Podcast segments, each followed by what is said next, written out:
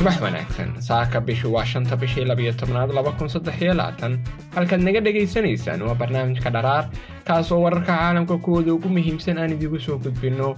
Iyagoo kooban subax walba. Lixda subaxnimo ayaan ku baahinaa adeegyada bodkastiyada sida spotify iyo apple bodcast youtube-ka iyo facebookan. Waxaan ku baahinaa sideeda subaxnimo. Saaka waxaa idiin soo jeedinayaa anigoo ismaaciil cali asad ah. Soo dhawaad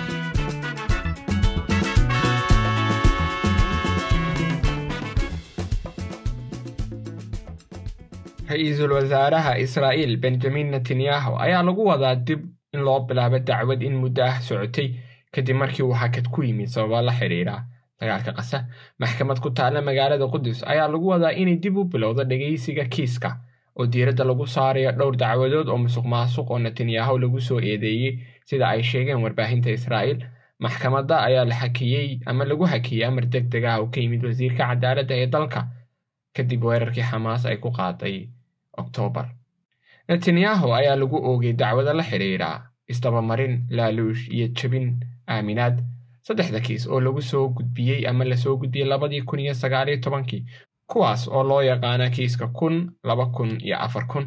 Kiiska kun ee ra'iisul wasaaraha oo ay weheliso xaaskiisa saara ayaa lagu eedeeyey inay helaan hadiyado ay ku jiraan khamri iyo sigaar oo ka yimid dadyow caan ah iyo ganacsato si uu ugu fuliyo dana siyaasadeed eedeymaha laaluushka waxay wataan xukun ilaa toban sanno ah iyo xarig ama ganaax khiyaanada iyo aaminad jebintuna waxaa lagu xukumi karaa xabsi ilaa saddex sanno ah.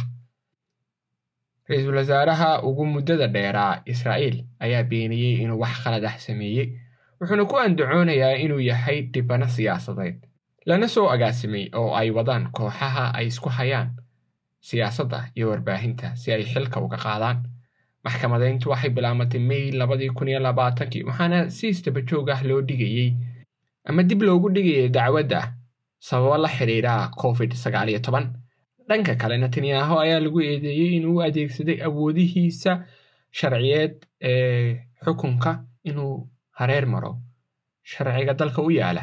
Dhinaca kale iyadoo ay jirto qorshooyin muranka dhaliyey ee ra'iisul wasaaraha ee lagu doonayay in dib lagu habeeyo nidaamka garsoorka israa'iil waxay dhexda u gashay mudaharaadyo bila ka hor weeraradii toddobada oktoobar. Dhaleecayaashu waxay sheegayaan in isbedelada la soo jeediya ee siyaasadeyninayaan garsoorku oo wax u dhimi doonaan madax bannaanida kobcinta musuq maasuqa iyo waxyeelaynta dhaqaalaha israa'iil netanyahu ayaa soo jeedinta difaacaya halka dambena ka riixaya waxaanu meesha ka saaray mudaharaadyada isagoo sheegay inuu jeedkiisu yahay soo celinta dheelitirka saxda ah ee u dhexeeya saddexda waaxood ee dowladda. Saaka intaas ayuu inoogu eegyahay barnaamijkeennu subax wanaagsan oo qurux badan ayaan dhammaantiin idiin rajaynaynaa. Nabaday